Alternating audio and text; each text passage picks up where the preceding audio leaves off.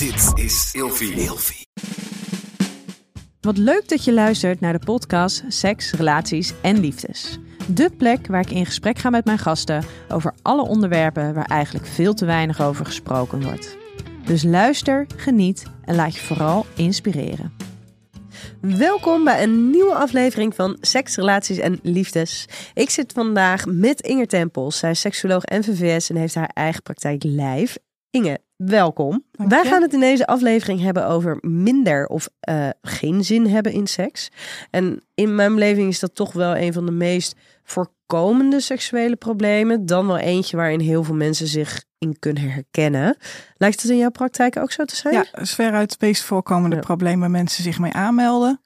Eh, mensen die individueel zich aanmelden zeggen ik heb ge- geen zin in seks. Er is iets eh, niet goed bij mij. Of ben ik aseksueel de vraag.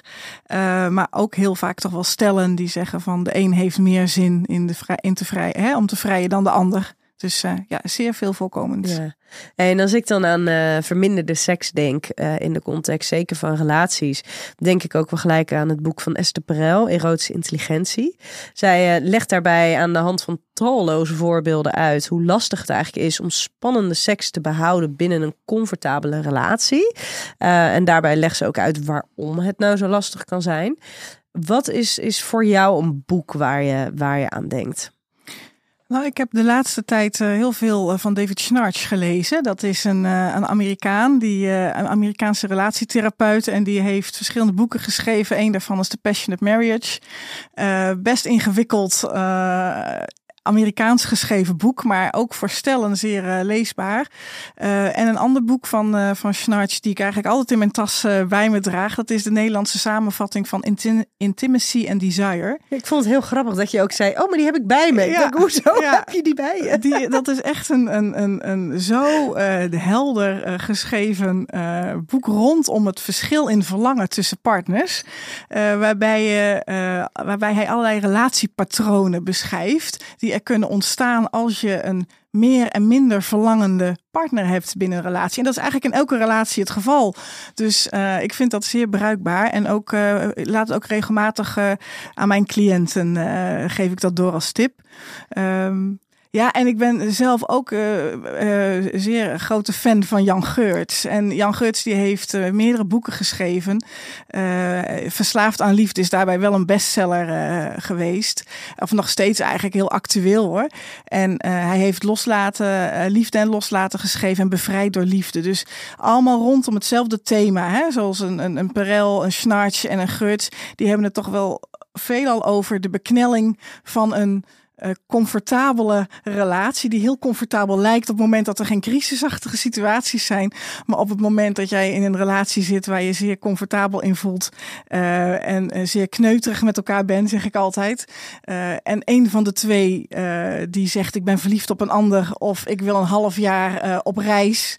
In mijn eentje, dan breekt de, de Ja, stress dan wordt het uit. lastig. Ja. Ja. Ja, en, eh, en eigenlijk schrijven deze, deze drie in dezelfde hoe kan je ze plaatsen eh, qua ja, toch wat meer ehm, eh, ja, mooie, mooie balans tussen hoe verbonden ben, ben je met elkaar, maar ook hoe autonoom kan je zijn in die, in die verbinding. Ja. Dus ja, dat zijn zeker aanraders om, om te lezen. Ja, en bijvoorbeeld bij zo'n Jan Geurts.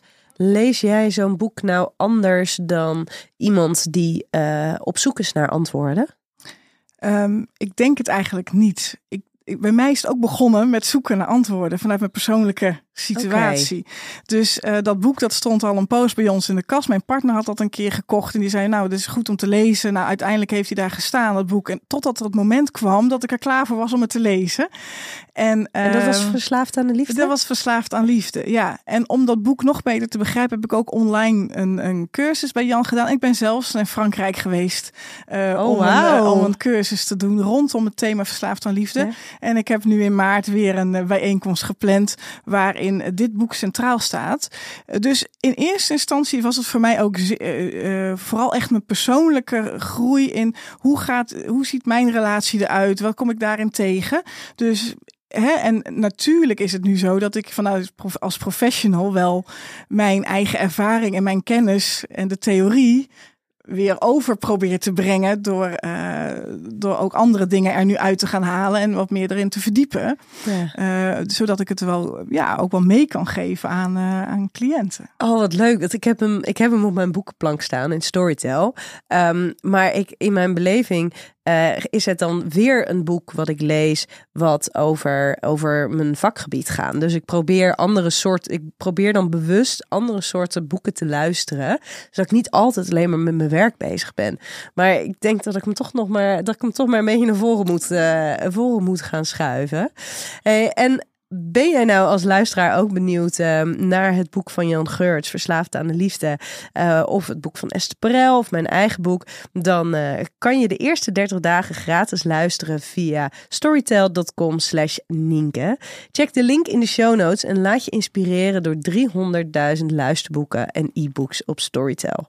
Volgens mij was het Linda Duits, de sociaal wetenschapper, die ook inderdaad met dit dit boek kwam van uh, Jan Geurt. Leuk. Ik ben, uh, ik ben benieuwd. Ik ga, hem, uh, ik ga hem lezen. En naar Frankrijk en zo. nou ja, het, is, het kan best wel ingewikkeld zijn om te lezen. Maar als je er wat meer eigen in wordt, ook met de taalgebruik. Hij heeft het ook over ego-patronen en allerlei onderliggende uh, ervaringen van vroeger die meespelen in je huidige relatievorming.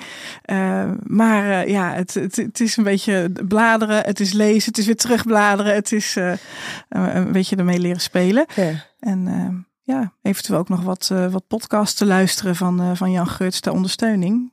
Kan ook. Ja, nee, dat heb ik. Ik weet dat ik dat op een gegeven moment heb gedaan. En toen raakte ik een beetje verdwaald ook inderdaad in de woorden die hij gebruikte en theorieën die hij erbij haalde, waar ik helemaal niet in thuis ben. Dus toen was ik af en toe een beetje zoekende van help. Ik, kan hem, ik voel hem nog niet helemaal zoals zoveel andere mensen hem wel voelen. En wel heel erg geïnspireerd raken door hem. Maar dan ben ik ook benieuwd. Want uh, nou ja, jij bent hem in eerste instantie gaan lezen vanuit dus jouw, jouw privé um, vragen, op zoek naar antwoorden. Is het belangrijk dat, dat je, jij en je partner hem allebei lezen? Want ik denk dan nu, als ik dat boek ga lezen en dat doet van alles met mij en dat zet mij in beweging. Ja, maar mijn partner moet ook in beweging komen. Dus is het dan handig als ik de dingen ga vertellen? Is het dan handig dat uh, mijn partner het boek ook gaat lezen? Ja, dat laatste is wel, ja, dat is wel het ideale situatie. Als je allebei in geïnteresseerd kan zijn, allebei er ook iets aan kan ontlenen en dat je er wat aan hebt, dan is het uh, heel bijzonder om dat met z'n tweeën ook verder uit te werken. Er zitten ook oefeningen in beschreven die je dan ook samen kan doen rondom hoe communiceer je nou eigenlijk in een relatie met elkaar. En uh, in plaats van allerlei verwijtende manieren met elkaar communiceren, van hoe kan je dat op een andere manier doen. Dus er zitten wel heel veel handvatten in die in een relatie wat verandering kunnen geven. Um, dus het is zeker waardevol als je partner daarin ook geïnteresseerd is. Maar op het moment dat jij je partner dat echt moet ja, verplichten of zo, dan denk ik dat dat uh, uh, niet zo waardevol is. Ik ken ook wel iemand, die, ja, ook wel mensen die zeggen van nou ik lees zelf mijn partner niet, maar die kan er wel een beetje in mee of zo. Uh, maar het is echt, echt leuk als je met z'n tweede wat uit kan, uit kan halen. Ja, ja. nou schat, je hebt het gehoord. Jij gaat ook aan uh, Jan. Heel goed. Hey, wij gaan uh, naar. Nou ja, dit was natuurlijk ook al een stukje inhoud, maar uh, het inhoudelijke deel van dit gesprek. En wij zouden het gaan hebben over minder zin in seks hebben dan wel minder behoefte hebben aan seks. Um, ik denk dat het belangrijk is om eventjes duidelijk aan te geven dat het voor de een betekent dat ze nauwelijks zin in seks hebben. Bij de ander betekent het dat ze minder zin in seks hebben dan hun partner. En de context zal voor iedereen net even anders zijn. Maar de strekking van wat wij uh, zullen bespreken zal voor vele van de situaties wel overeenkomen. En nog eens, we hebben geen specifieke context van wat de situatie van de luisteraar is. Maar hopelijk be bespreken we voldoende interessante dingen. Um, ik vond het in deze een beetje lastig. Want normaal hebben we nu natuurlijk de kutkeuzes. Die vond ik wat lastig. Dus heb ik bedacht, ik ga gewoon meer stellingen doen rondom het onderwerpen van die lekkere stereotype beelden die mensen hebben, verwachtingen die mensen hebben. En uh, die gaan we dan wel lekker bevestigen, dan wel ontkrachten. Ja? Ja. Helemaal goed. De eerste. Langdurige relaties en spannende seks gaan gewoon niet samen. Ben ik het niet mee eens hoor. Nee, zeker niet. Ik, uh, je moet er wel hard voor werken. En op het moment dat je er uh, uh, al automatisch van uitgaat dat dat seksueel verlangen wel blijft als je van elkaar houdt, uh, ja, dan heb je al een probleem. Um, maar in een langdurige relatie is ontzettend veel te doen uh, om je, je, je seks spannend te houden. En als, ik, als ik kijk naar de stellen die ik in mijn praktijk voorbij zie komen, dan zie je heel vaak dat ze met elkaar iets heel de intimiteit is groot. Ze hebben veel verbinding, ze hebben veel liefde en veiligheid en comfort bij elkaar. En dat is funest voor de seks. Maar op het moment dat je ook nog een stukje lust erin kan houden in je langdurige relatie, daarin kan investeren, met elkaar kan vernieuwen en uh, ontdekken, dan, uh, ja, dan krijg je een wat, wat, wat betere balans tussen die liefde en die lustkant van die seks eigenlijk ook wel in zich heeft natuurlijk. Uh, waardoor je ook in lange relaties zeer veel plezier kan beleven met z'n tweeën op seksueel vlak. Ja, want hoe kan je blijven verlangen naar iets wat je al hebt? Nou ja, door ervoor te zorgen dat, daar, dat er ruimte blijft, dat er een bepaalde afstand blijft om nieuwsgierig te kunnen blijven zijn, om geïnteresseerd te kunnen blijven zijn ja, in de ander. Ja, en ook dus nieuwe dingen met z'n tweeën kunnen gaan uh, ja, opzoeken en ook delen. Hè? Je fantasieën blijven delen. En dat verandert ook. Ook seksualiteit verandert in de loop van je leven en ook in een relatie. Op het moment dat je een jong gezin bent, dan speelt die seks weer een andere rol binnen de relatie dan wanneer je kinderen ja, uh, wat zelfstandiger worden of zelfs het huis weer uitgaan. Uh, en daarin je eigen biologische ontwikkeling en je leeftijd. Uh, dus ja, ook seksualiteit verandert gedurende ons leven. Mm -hmm, absoluut. Mensen verschuilen zich achter het idee dat ze een laag libido hebben. Ja, dat. Uh, daar, daar, daar, daar zijn nog wel, is nog wel veel literatuur over. En eigenlijk is uh, libido of zin in seks, het is geen persoonlijke karaktereigenschap. Het is een, een, een, um, een eigenlijk een soort van relatief begrip wat tussen twee mensen, als je, hè, als je met een partner uh, samen bent, dat je uh, ziet dat het iets is wat tussen twee mensen een issue is. Hè? Dat op het moment dat jij degene bent met de minste zin in seks, dan, uh, en je gaat ervan uit dat het eigenlijk er gewoon zou moeten zijn, dat verlangen naar seks, en het is er bij jou niet, ja, dan ben jij eigenlijk al het probleem. Zo label je jezelf dan ook als het probleem, maar jouw partner gaat jou ook nog labelen als van jij hebt een probleem. Ik zie ook heel vaak mensen die komen in er eentje naar mijn praktijk en die zeggen van nou, ik heb helemaal geen zin in seks, er is iets mis met mij. Um, en dat moet opgelost worden. En uh, eigenlijk is het tweede gesprek altijd de partner erbij hoor. Want ik zeg, het speelt iets, is iets tussen twee mensen. Waarom heb je geen zin in seks? Of waarom heb je minder zin in seks dan de ander? Um, maar ook degene die meer zin heeft in seks, die voelt zich ook afgewezen. Want waarom wil jouw partner niet met jou vrijen? Mm -hmm. ja. Doe je iets dan niet goed? Of uh, uh, je houdt ze niet van je, of hij houdt hij, hij niet van jou. Of... Dus dat zijn natuurlijk wel uh, ingewikkelde patronen die kunnen ja. ontstaan. Um, en wat vind je van het uh, gebruik van het woord libido? Ik gebruik het woord eigenlijk nooit ja, weet je, en ook omdat zin in seks of spontaan zin in seks ook niet iets is wat zomaar uit. Ja, het bestaat ook eigenlijk niet. Hè? Het, het, komt niet, het is niet iets wat uit de lucht komt vallen of zo dat er zomaar is. Uh, er is. Het gaat veel meer over van ben je gemotiveerd om met seks bezig te willen zijn?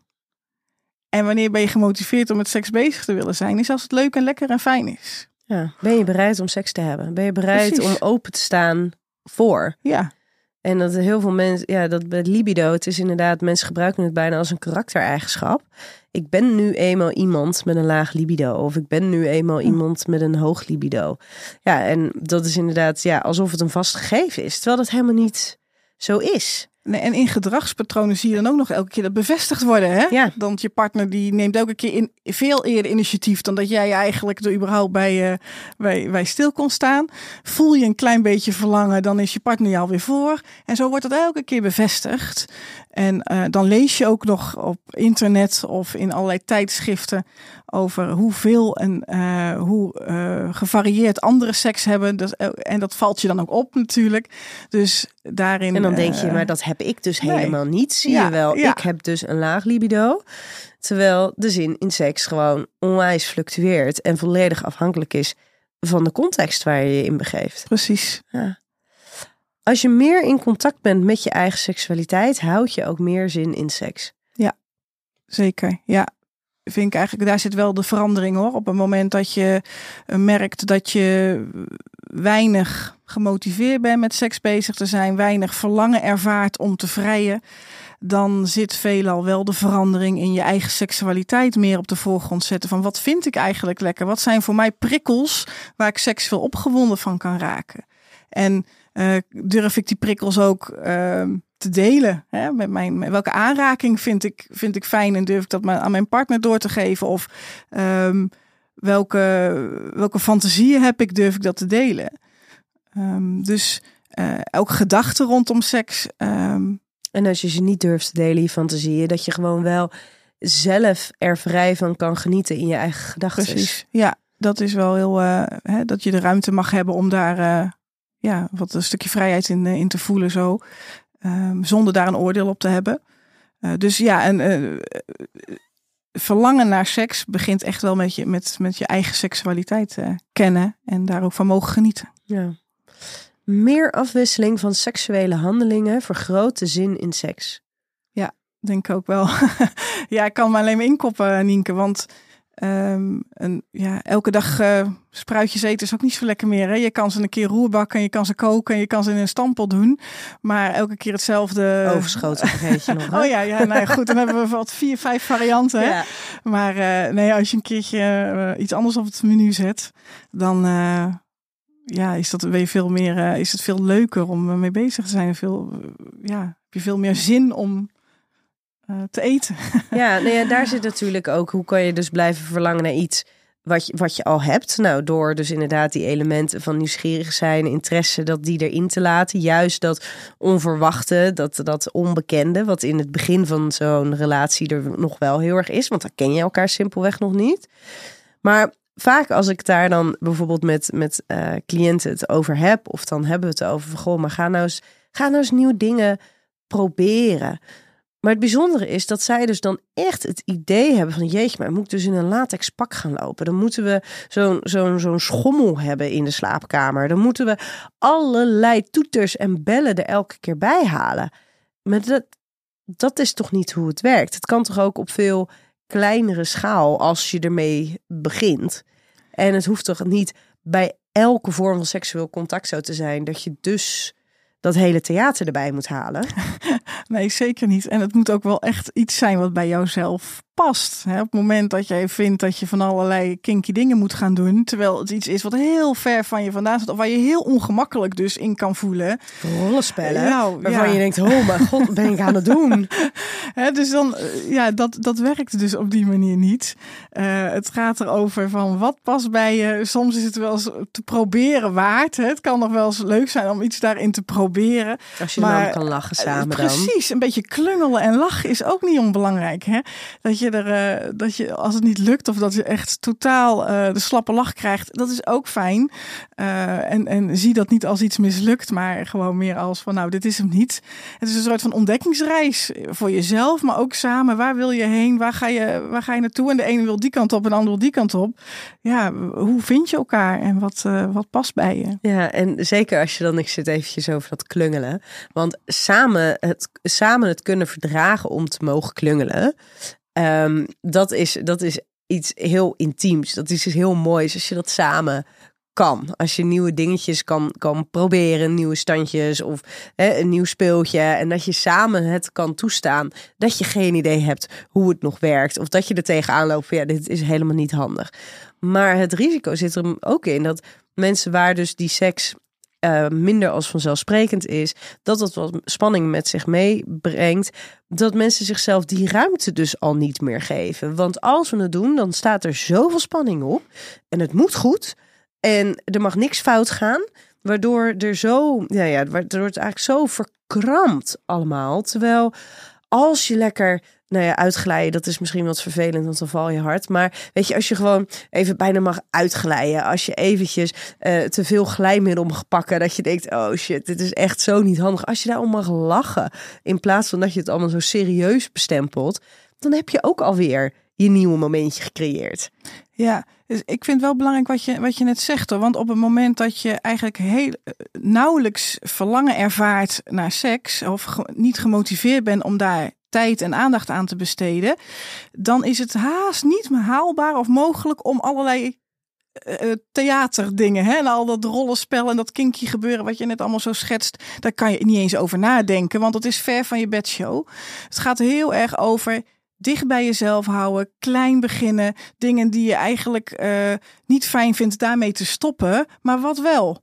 En daar dan met z'n tweeën, of ook voor jezelf, maar ook met z'n tweeën over in gesprek gaan. En een beetje met z'n tweeën kijken van, hé, hey, wat, wat, wat, waar vinden we elkaar? Ja. In plaats van dat je van alles jezelf oplegt, omdat dat allemaal zou moeten of zou horen. Ehm, ja, daar kan je al niet eens over nadenken als je al bij de voordeur niet eens hè, eh, daar naar binnen wil. Nee. Nee, maar dat is een soort van die verkramping. Dan is die ruimte er helemaal niet om te kunnen ademen en die vrijheid te voelen en ook die creativiteit te kunnen voelen. De verandering zit veelal wel in het besef dat libido, zoals je het net al schetste, die term, eh, dat dat niet iets biologisch bepaald is. Het is niet zo. En dat is, dat is, een goed inzicht, eh, of, of goed om te realiseren dat dat iets is wat eh, geen vaststaand gegeven is. En als je ook. Er- dus als je er niet van uitgaat dat je automatisch seksueel verlangen moet hebben als je van een ander houdt, dan ehm, word je ook niet snel een, wordt het ook niet snel een probleem. Dan is het op dat moment de situatie, en dat kan ook zo weer anders zijn, waardoor je ook het probleem bij jezelf weg kan halen. En ook de druk voelen eh, minder wordt. Hè? En ook de ander eh, zich minder persoonlijk eh, afgewezen voelt. Gaan we gelijk even een bruggetje naar Ja. de volgende stelling. Afgewezen worden is minstens zo vervelend als moeten afwijzen. Ja, kan, dat is wel wat ik in de praktijk heel vaak hoor. Dat eh, je ontzettend onzeker kan worden als iemand niet met jou wil vrijen of intiem wil zijn. En heel vaak is het niet eens zo dat, dat er van allerlei gekke, gekkigheid moet gebeuren op seksueel vlak. Maar alleen al het verlangen van iemand naar jou. En eh, het dus afgewezen worden als je initiatief neemt. Dat is wel iets wat mensen zeer onzeker kan maken. En eh, dat je op de la- lange termijn ook merkt dat mensen dus ook geen initiatief meer nemen. Want ja, je wordt toch afgewezen. Als je tien keer initiatief neemt, je wordt negen keer afgewezen. Op een gegeven moment dan stop je daarmee. Ehm, maar ik hoor ook, degene die afwijst, die voelt zich hartstikke schuldig. Ja, want die stelt de ander teleur. Die wil de ander helemaal niet kwetsen. Nee, die wil de ander niet kwetsen en die, die stelt, eh, ja, inderdaad, de, je, partner, je stelt je partner op dat moment teleur.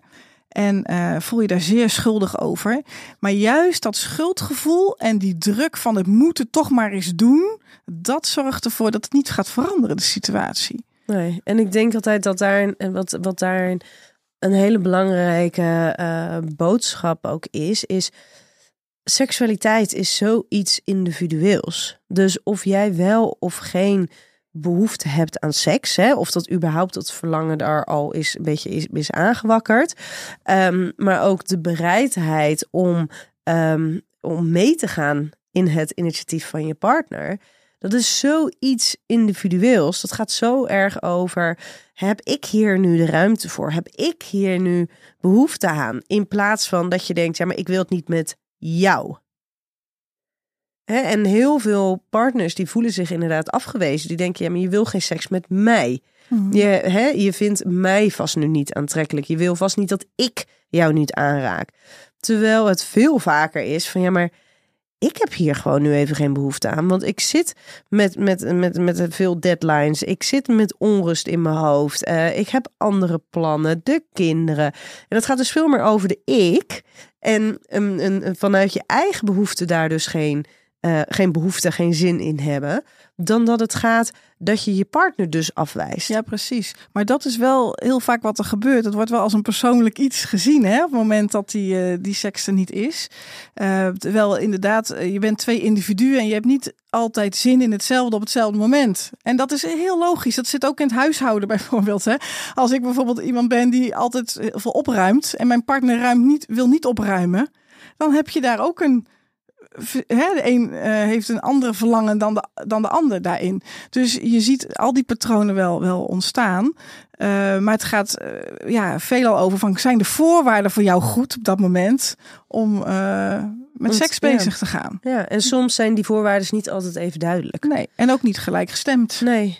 Nou, dan de volgende, die schuif ik dan een beetje naar voren. Maar um, een verschil in seksuele verlangens, behoeften, frequentie waarin je seks wil hebben, is onvermijdelijk binnen een relatie. Ja, zeker waar. Ja, er is in elke relatie is er een verschil in verlangen. Um, en dat kan dus ook nog variëren. De ene periode kan de een meer verlangen hebben dan de ander. Uh, wat je net zegt, heb je druk op je werk, heb je allerlei stressmomenten, dan kan het voor de ene veel minder op de voorgrond staan dan voor de ander.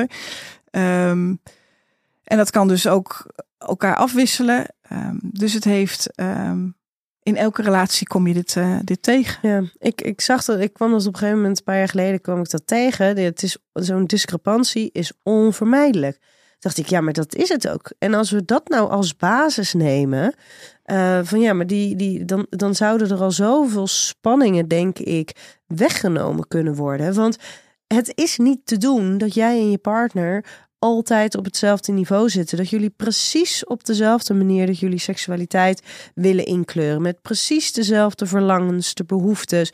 Precies op hetzelfde moment, dezelfde uh, intensiteit. Dat, dat, dat is gewoon onmogelijk. Ja, ja, precies. Maar ik denk ergens toch dat dat stiekem een stukje verwachting is wat mensen wel hebben. Van ja, maar we zijn gek op elkaar en we hebben het onwijs fijn samen. Dus we hebben vast ook op hetzelfde moment zin in seks. In ieder geval, als ik dus hè, uh, zin in seks heb, dan verwacht ik dat mijn partner dat ook heeft.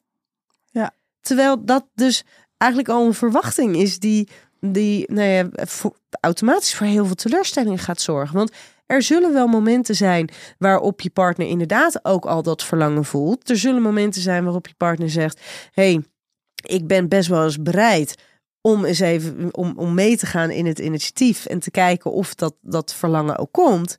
Maar er zullen dus in verhouding veel vaker momenten zijn dat je partner denkt: ja, de, uh, ik zit er. Ik, nee, hier zit ik even totaal niet. Nee, precies. En ik denk dat dat ook voor in heel veel relaties ook wel echt gewoon kan zijn hoor. Maar op het moment dat het natuurlijk iets is wat uh, vaak gebeurt. Of dat je het inderdaad persoonlijk aantrekt, iets persoonlijks van jou uh, maakt, waardoor je je schuldig gaat voelen dat je nee zegt, of waardoor je uh, je afgewezen voelt en onzeker wordt, dan krijg je vaak dat, dat stellende niet zo luchtig meer mee om kunnen gaan. En dat er echt gedoe ontstaat rondom het onderwerp seksualiteit.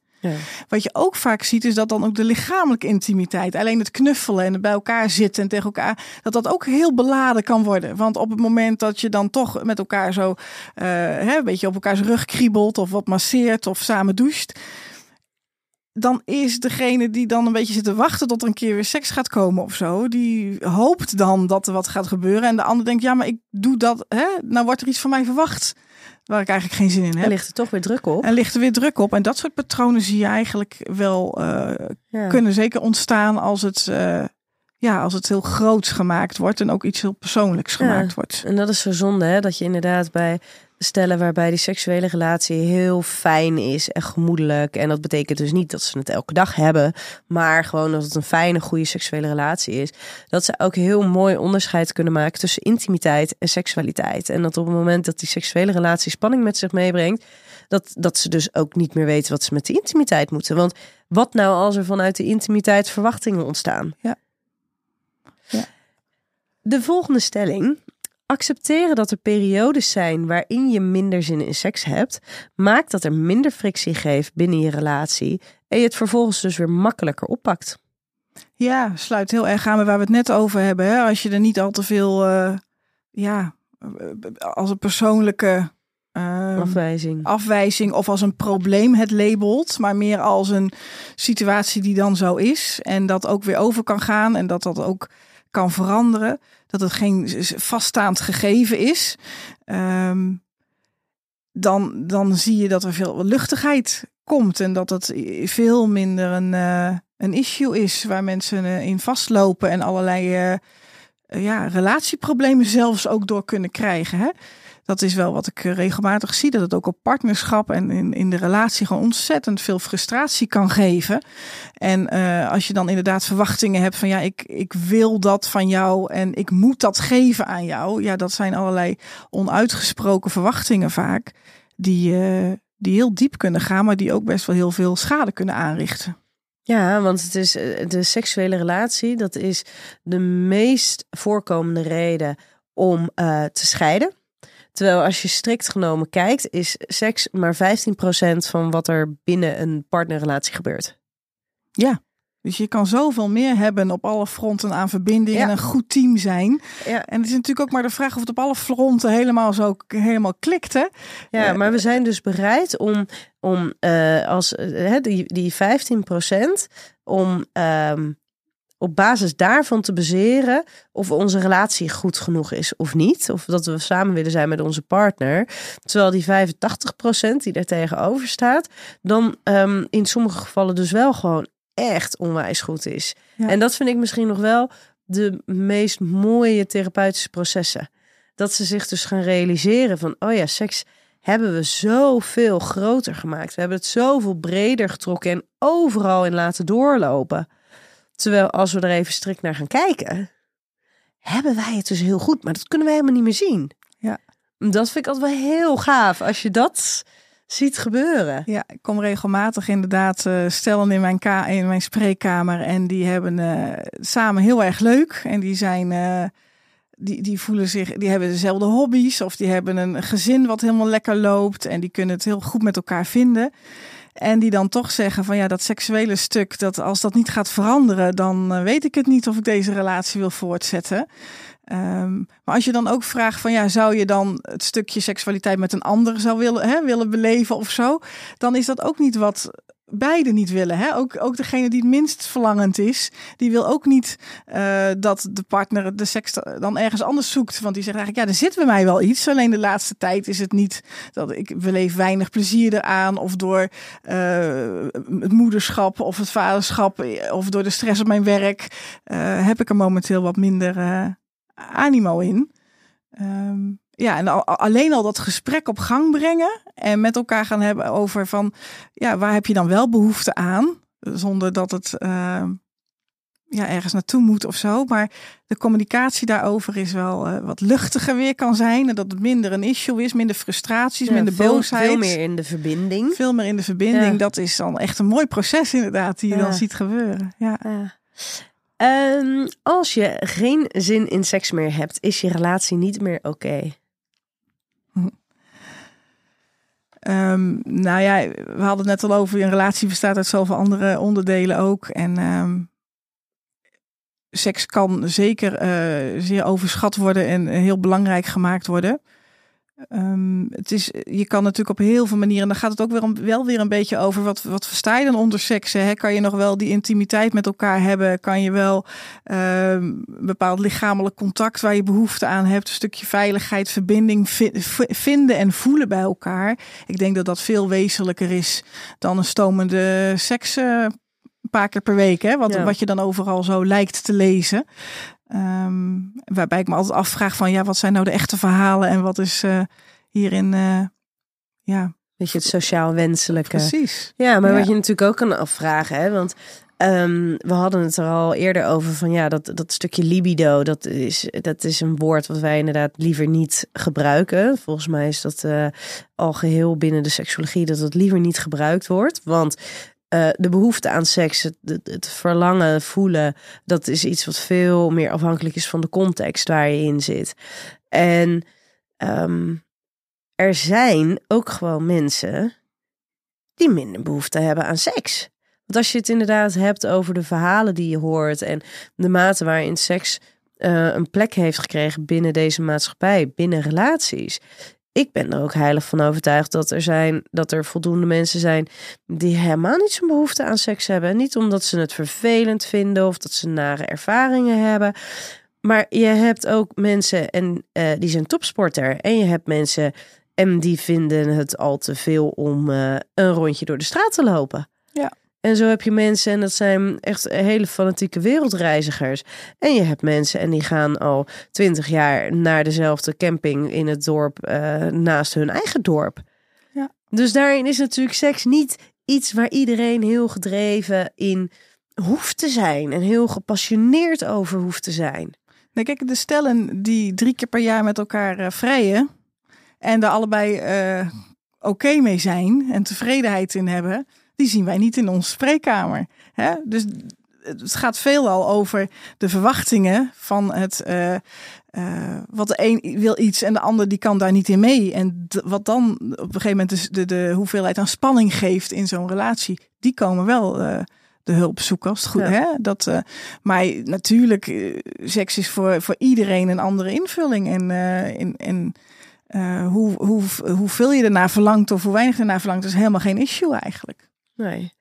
Ehm, mindere zin in seks, minder zin in seks hebben is meestal het gevolg van onprettige ervaringen.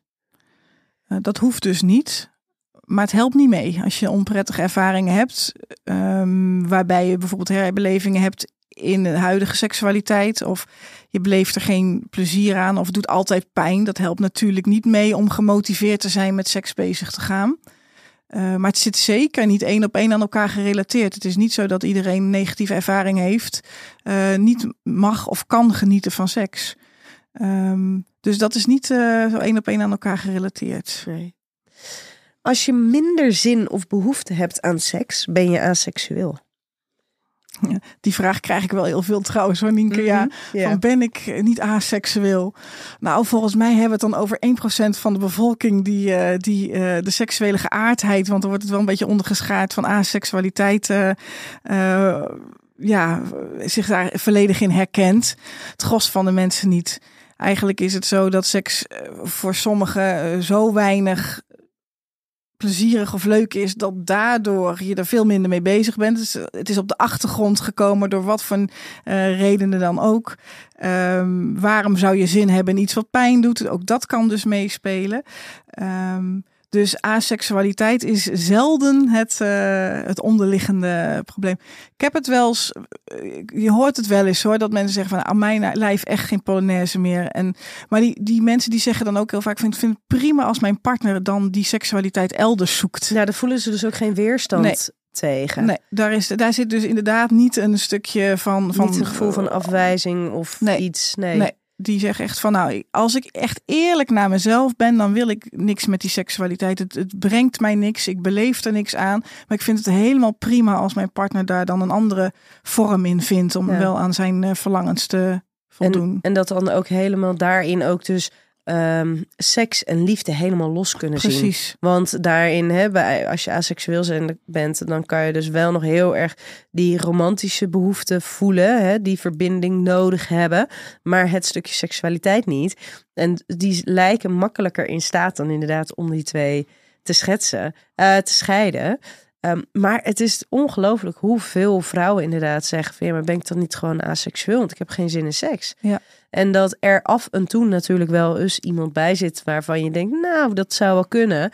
Maar dat is dan meestal in een, eh, in, in een verhaal waarbij blijkt dat er al vanaf de, de, de tienertijd geen enkele interesse, geen enkele nieuwsgierigheid was. En dat dat zich inderdaad heeft voortgezet. En in opmerkingen als van ja, ja, ik wist dat binnen een relatie, als je verkering krijgt, ja, dan heb je seks. En de meeste van mijn vriendinnen hadden dat.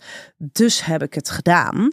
Maar niet vanuit een, nou, ik was daar zelf nieuwsgierig naar. Of ik vond het leuk. Of ik merkte dat ik daar aan toe was. Dat soort dingen zijn dan heel erg de dingen die ontbreken in hun verhalen. Ja, precies. Als je het over aseksualiteit hebt, dan is daar inderdaad wel een verliefdheid, maar geen seksuele aantrekking of daar iets mee willen doen.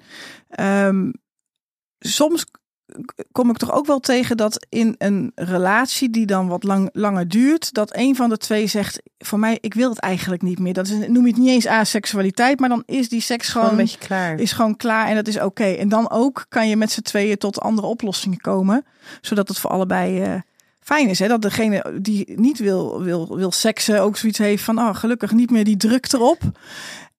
En de ander toch zijn verlangen kwijt kan. Ja, maar ik denk dat dat een hele belangrijke is. Hè? Want ja, er zijn stellen waarbij dit dus uh, voor, voor wrijving zorgt, voor heel veel spanning zorgt. Omdat daar dus, nou ja, de, de, omdat het lastig is om die twee uh, naar elkaar toe te brengen daarin. Maar er zijn ook stellen um, die er dus een vorm van berusting in, in vinden. En die er dus geen spanning meer over ervaren, die er geen uh, conflicten meer uh, over hebben. Maar die dus zoeken naar andere manieren om dan wel die seksuele behoeftes in te vullen. Ja. En ik vind dat vind ik altijd wel heel mooi. En ik denk ook altijd wel dat daar uh, heel veel dingen in zitten die, en daarvan zeg ik niet dat alle stellen die hiermee te maken hebben, die, die dat dat ook moeten gaan doen. Maar daarmee komt wel heel mooi elementen als van ja, maar mijn eigen seksualiteit is van mij en ik mag daar mijn eigen beslissingen maken. Maar ik wil ook graag dat mijn partner voorzien wordt in dienstbehoeften. En dat het dus niet zo is van hé, hey, ik heb hier een grens en ik wil niet dat er over die grens heen wordt gegaan.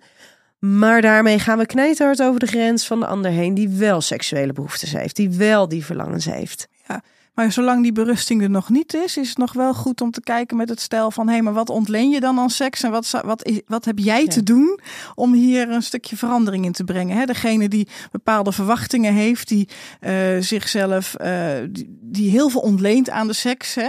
Wat eh, betekent seks wat betekent voor seks je? voor en jou? Wat betekent het dus dat het er niet is? Precies, dat stukje is voor de ene uit te werken en de ander van hé, maar waar zou bij mij de ruimte zitten om iets meer te, weer het op te kunnen pakken ja. of iets meer aandacht aan te kunnen besteden.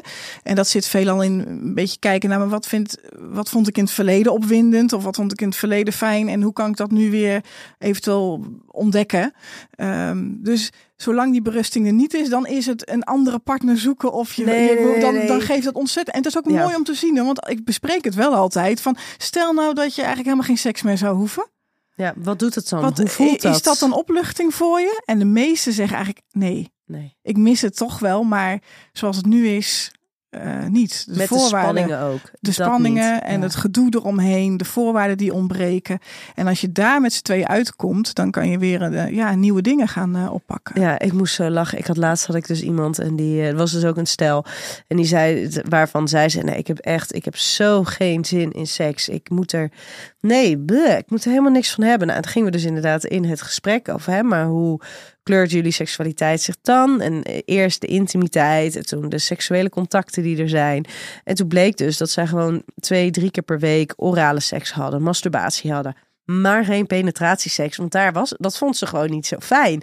Dus zij hadden dus samen dus iets, iets opgebouwd, een idee over te, wij hebben geen seks omdat zij geen seks wil, omdat zij geen zin in seks heeft. Maar ondertussen waren ze dus eigenlijk zelfs vrij actief uh, met alle andere vormen van, van seksueel contact. Ja, ja, ja, dus dan gaat het weer over wat versta je onder seks. En dat is Ja. ook goed om dat met elkaar eens te bespreken. Waar hebben we het nou eigenlijk over als we het over seks hebben? Ja, En net zo juist- goed als over intimiteit. Precies. Ja. En dan juist dat brede repertoire en alles daarin meenemen. Het geeft zoveel nieuwe iets. Oh, dan valt het inderdaad nog wel mee wat we met elkaar eh, hebben.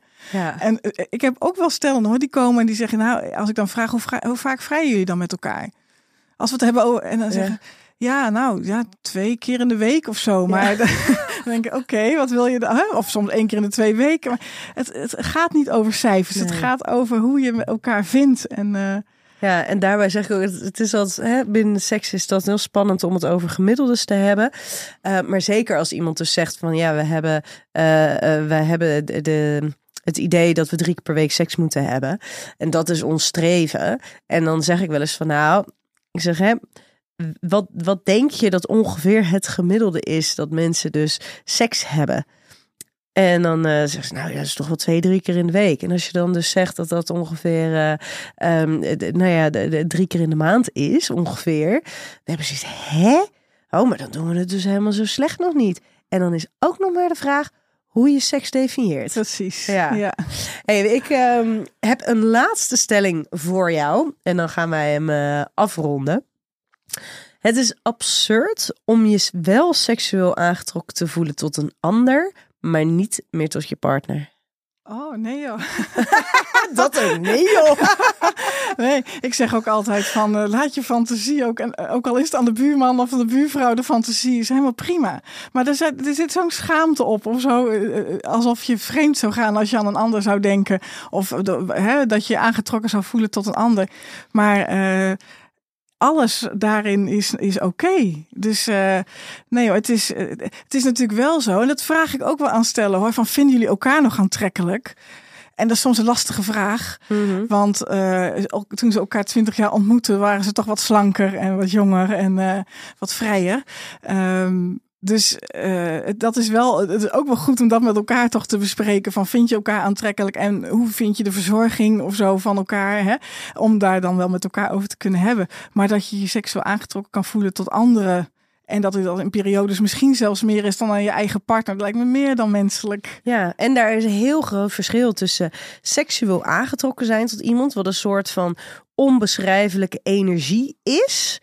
Um, en iemand aantrekkelijk vinden. Want als je het hebt over je partner aantrekkelijk vinden, dan kan je het ook, dan kan je daar karaktereigenschappen bij. Um, uh, bij, bij noemen. Hè? Van uh, de, de manier waarop die lacht, hoe die zich beweegt als die met de kinderen bezig is. Of als die, nou ja, op die manier uh, kan, je, kan je iemand aantrekkelijk vinden. Ja. Maar echt die seksuele aantrekkingskracht, puur zang seksuele aantrekkingskracht, dat er niks anders nodig is dan elkaar te zien en te denken: ja, kom op. Dat is natuurlijk ook iets wat heel vaak niet voorbehouden is aan, aan onze liefdespartner. Dat is iets wat we met een vreemde ergens op straat of in de sportschool ervaren of in een ander contact. Ja, natuurlijk. Dat zijn de films waar je naar kijkt en dan denk je, wat een lekker ding. Ja, nou ja terwijl dat... heel veel mensen toch zoiets hebben van, ja, maar dat moet je toch met je romantische liefdespartner ook hebben. Maar dat mogen echt verschillende vormen van aantrekking zijn. Ja, en ik denk juist dat op het moment dat je dat wat los kan laten, al die hokjes en van jezelf verwachten dat het allemaal uh, bij die ene moet blijven. Ik denk dat als je dat kan loslaten, dat er veel meer gaat stromen ook. En dat er veel meer... Uh, uh, losgemaakt uh, kan worden, geprikkeld mm kan worden. Want dat zijn natuurlijk ook gewoon prikkels als je een ander aantrekkelijk kan vinden. En dan uh, die, die klik kan hebben op dat vlak. Ja, Inger, wij gaan hem bij deze afronden en ons klaarmaken voor het volgende gesprek. Dankjewel hiervoor. Hey, en luisteraar, wil jij nou de boeken van Esther Perel, Jan Geurts of van mij lezen? Ga dan naar storytel.com slash Nienke en luister de eerste 30 dagen gratis. Of natuurlijk een van de 300.000 andere luisterboeken of e-books.